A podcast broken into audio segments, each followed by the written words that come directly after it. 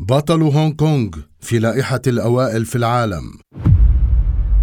لا يرتدي كل الأبطال ثوبا يحلق بهم في السماء. فقد عرف التاريخ ابطالا كتبوا قصص نجاح وتركوا بصمات في مجالات عدة. لي كاشينغ الملقب بسوبرمان آسيا صنع مجدا من خلال مسيرته الملهمة والتي باتت قصة ودرسا معبرا لكل من تعرف على قصته. لذا تابعوا معنا الرجل الذي يقتضي به الآسيويون. في مقاطعة تشاوان الصينية تربى لي بلا والد بعد فقدانه له بأحوال مؤلمة. كيف يتدبر المرء أمره بلا سند؟ وكيف سيتمكن لي من المحافظة على الأمل والطموح بظل الأوضاع المعيشية الصعبة التي كانت تحيط به؟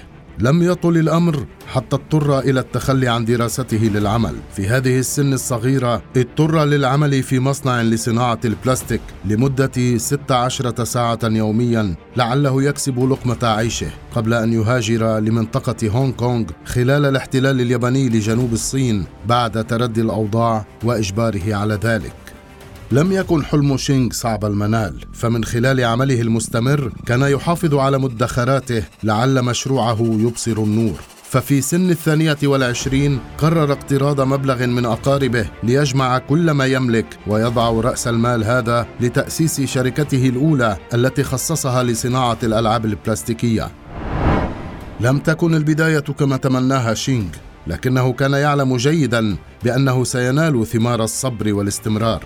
لم يستسلم للبدايات المتواضعة لحين ما كان يوسع خبراته ويطور بالمصنع. وعرف لي كاشينغ طوال سنواته الحافلة بالإنجازات بكونه عبقريا ذا نظرة تقدمية في عالم الأعمال وتعدد المجالات التي قام بالاستثمار بها بداية من صناعة المواد البلاستيكية وحتى مجال تجارة العقارات. فهو لم يحد نفسه يوما بمجال واحد بل كان منفتحا على التجارة بكافة مجالاتها ما جعله مميزا ومبدعا بين غيره. استثمر في مصنعه ووظف أهم الكوادر البشرية لتطوير الأعمال مما أطلق البداية المبهرة لاسمه بين رجال الاقتصاد والتجارة. هل كان سيتوقف عند هذا النجاح؟ فإذا توقعتم بأن الرجل العصامي يعرف حدودا للتطور فإنكم على خطأ كبير. لم تكن نجاحات شينغ في صناعة البلاستيك سوى بداية لنجاحه في الاستثمارات العقارية، بحيث كان يقوم بتشييد أبنية سكنية ويبيعها بسعر زهيد، ما جعله رائدا في مجال العقارات في هونغ كونغ. ساهمت شركته للبناء في تشييد عدد من أبرز المعالم في الصين وآسيا. أبرزها المعبد البوذي في عام 2015 على مساحة 4.7 فدان بقيمة 380 مليون دولار في هونغ كونغ ليكون شينغ الرجل الأعظم في وقته في هونغ كونغ. تمكن هذا الرجل بذكائه وريادته للأعمال بأن يكون القدوة في مدينة هونغ كونغ. حيث يحتذي به الجميع كملهم بدأ من العدم وأصبح أغنى رجل في المدينة بثروة قاربت 36.7 مليار دولار ليكون بذلك في رأس قائمة أكثر الأشخاص ثراء في العالم. شينغ الذي ترأس إمبراطورية البناء بدأ من معمل بلاستيك كان موظفا فيه لحين ما بنى مصنعه لنفسه. حتى بنى مصانع لا تعد ولا تحصى لا تعرف أن تحد بقطاع. فأعماله طالت المجالات كافة وبكل مجال سعى من خلال عمله الدؤوب أن يكون قائدا ومديرا وبارعا. هذه الشركات والمصانع التي انتشرت حول العالم لتصل إلى خمسين دولة كانت نتاج تعب ليال وقهر طفولة لم يحظى بها.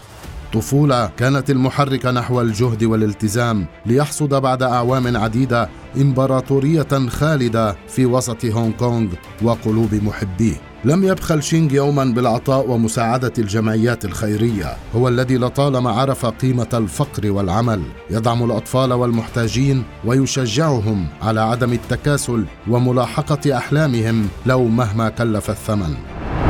كانوا يدعونه سوبرمان هونغ كونغ وليس عن عبث.